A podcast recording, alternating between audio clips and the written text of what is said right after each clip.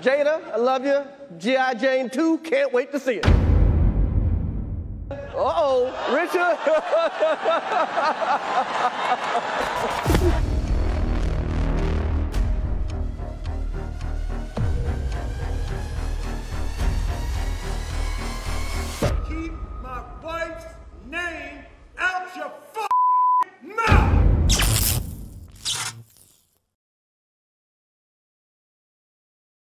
Menurut data Nielsen, jumlah penonton Academy Awards 2022 meningkat 58%, mencapai 16,6 juta viewers dibandingkan tahun lalu yang hanya mencapai 10,4 juta viewers. Bagian mana yang paling banyak ditonton? Ternyata yang paling banyak ditonton adalah 15 menit antara 21.15 dan 21.29 di mana bintang Troy Kotsur memenangkan aktor pendukung terbaik dengan 17,6 juta viewers. Brother Mark, they're not here today, but look at me now. I did it. I love you. Thank you. Dan sekitar pukul 22.27 di mana Chris Rock mendapatkan pukulan dari Will Smith atas leluconnya yang juga mendapatkan viewers terbanyak dengan 17,3 juta. Oh, wow. Wow. Will Smith just smacked the shit out of me. Academy Awards atau lebih dikenal dengan Piala Oscar adalah salah satu anugerah dunia perfilman tertinggi yang diadakan setiap tahun oleh Academy of Motion Picture Arts and Science. Oscar pertama kali digelar di tahun 1929 yang hanya berlangsung selama 15 menit dan merupakan rekor tersingkat dengan 12 kategori yang dibacakan bagi para pemenang. Mereka akan menerima patung berlapis emas yang dikenal sebagai Oscar. Nama Oscar ini dicetuskan oleh salah satu pustakawan pertama bernama Margaret Herrick yang merupakan bagian dari Academy of Motion Picture, Arts, and Science. Saat melihat piala emas yang diberikan, seorang pustakawan langsung mengatakan bahwa piala itu mirip dengan pamannya yang bernama Oscar. Nah, beliau diklaim berkepala botak serta memiliki tulang pipi yang menonjol. Nah, serupa seperti piala manusia emas. Namun asal-usul dari piala Oscar pun sebenarnya bukan hanya tentang ini. Masih ada beberapa versi lainnya hingga akhirnya disebut piala Oscar. Dan tahun ini merupakan tahun ke-94 pagelaran anugerah dunia ini diselenggarakan bagi insan perfilman pada tanggal 28 Maret lalu.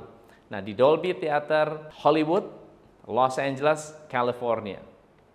Seperti biasanya, setiap tahunnya ajang Oscar ini selalu menjadi sorotan karena ada hal-hal yang tidak terduga selama acara berlangsung.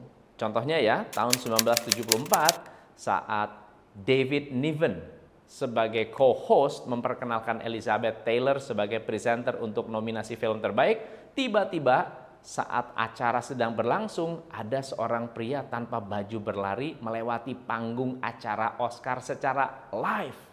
is a very important contributor to world entertainment and someone quite likely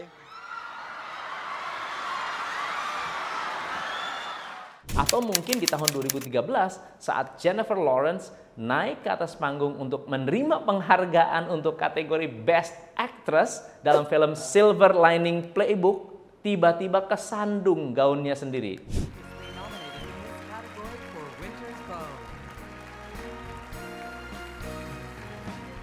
Nah, pertanyaannya, berapa malu diri kamu kalau sampai terjadi seperti ini?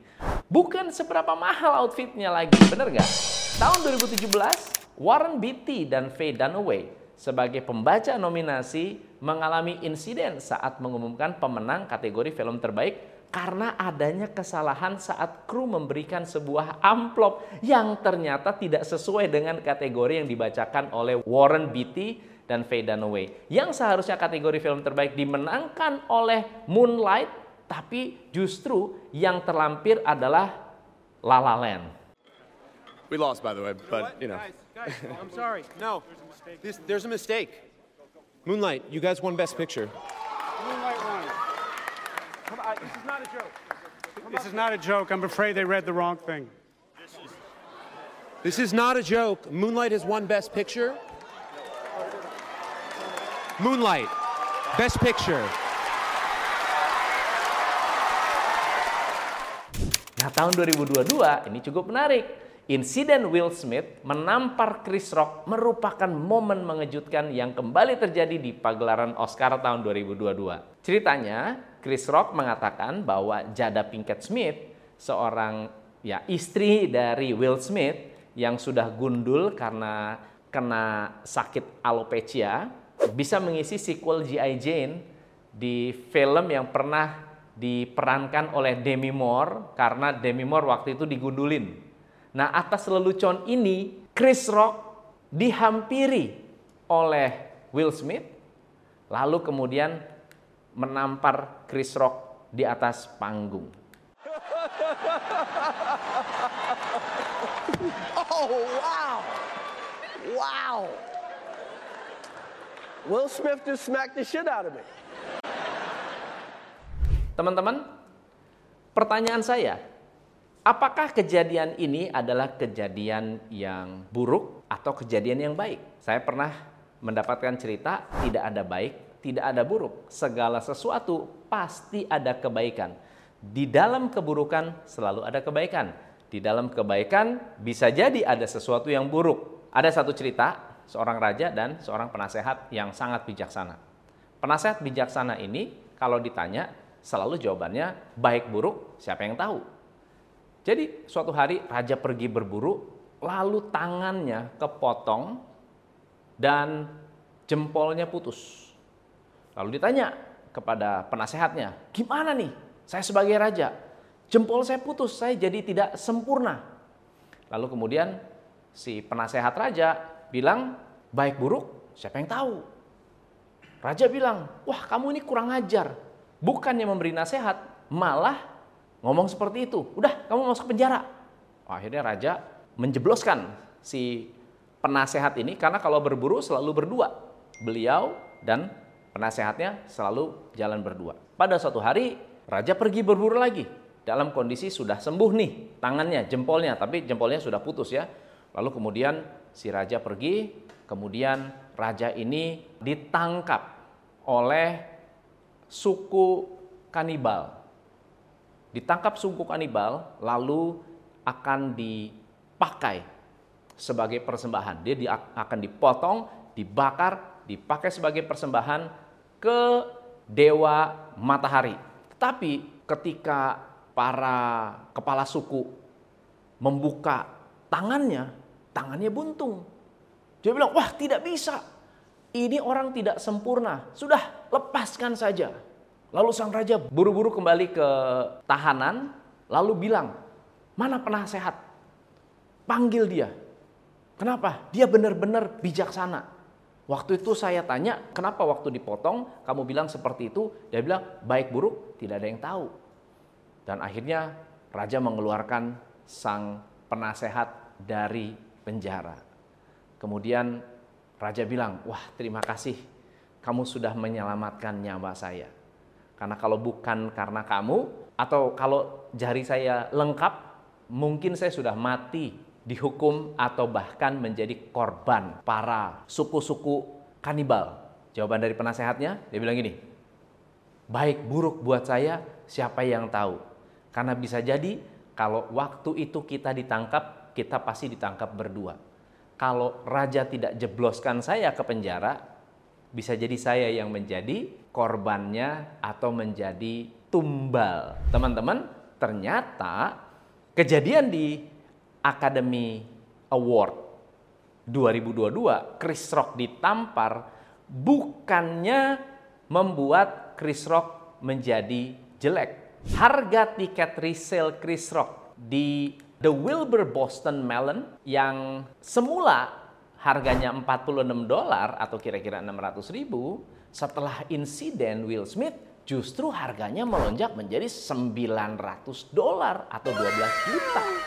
Nah setelah tampil di Boston, Chris Rock mulai tur komedinya dengan harga tiket mulai dari 212 atau 3 juta rupiah hingga 450 dolar atau 6 juta rupiah.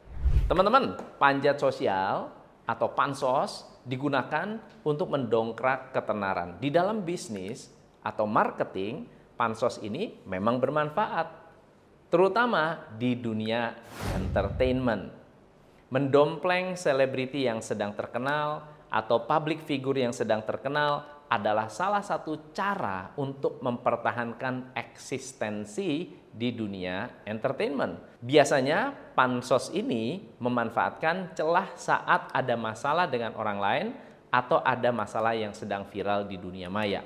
Saya kasih contoh orang cerdas namanya Nikita Mirzani. Beliau sebelumnya memiliki aktivitas sebagai artis tanpa membuat masalah. Biasanya katanya kalau saya nggak ada masalah, sehari itu penghasilannya 250 sampai 300 juta. Tapi kalau lagi ada kehebohan, kalau lagi ada masalah, kalau lagi masalahnya lagi viral, lagi ada kasus, sehari bisa 2 miliar dari endorsement akibat huru hara di media sosial. Itu sehari tuh gue bisa megang tuh 250, 300. Itu standar nggak ada masalah. Itu nggak ada masalah. Nggak ada masalah, bener-bener hening, nggak ada perbicaraan. Kalau ada masalah, Kalau ada masalah sehari tuh bisa 2M, 1,8.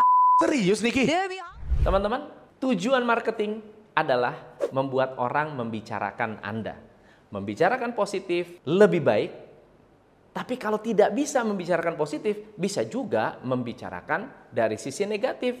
Yang penting apa? Dibicarakan. Semakin ramai masyarakat membicarakan Anda, semakin besar peluang Anda untuk mendapatkan popularitas dan bisnis. Pelajaran apa yang bisa Anda ambil dari Will Smith dan Chris Rock? Apakah berakibat buruk kepada kedua orang ini atau justru sebenarnya sangat baik untuk semua pihak? Piala Oscar tambah banyak penontonnya, Chris Rock omsetnya naik, Will Smith juga terkenal. Bagaimana menurut Anda? Saya Tom MC Ifle, salam pencerahan.